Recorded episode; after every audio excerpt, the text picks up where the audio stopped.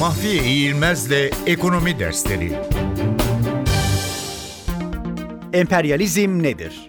Emperyalizm bir devletin başka devlet veya uluslar üzerinde kendi çıkarları doğrultusunda etkide bulunmaya yönelik faaliyetlerinin toplamına verilen ad.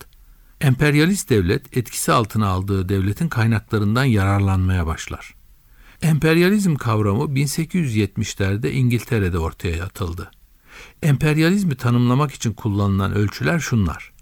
Bir ülkenin topraklarını başka bir ülke aleyhine genişletmesi, bir devletin başka bir devleti vergiye bağlaması, bir devletin başka bir devletin topraklarındaki kaynaklardan yararlanması, bir devletin başka bir devletin halkına kendi kültürünü yayması. Görüleceği gibi emperyalizm ekonomik sonuçların ötesinde de sonuçlar yaratan bir faaliyetler toplamıdır. 1900'lerde Lenin emperyalizmi kapitalizmin en yüksek aşaması olarak tanımlayarak basit sömürgecilik yerine ekonomik nüfuzun daha karmaşık şekillerine dikkat çekmiş, pazarların arz kaynaklarının ve yatırım yollarının egemenlik altına alınmasıyla ilgilenmiştir.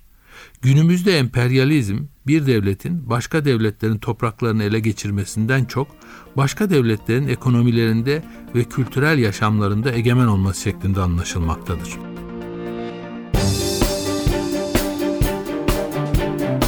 Mahfiye İğilmez'le Ekonomi Dersleri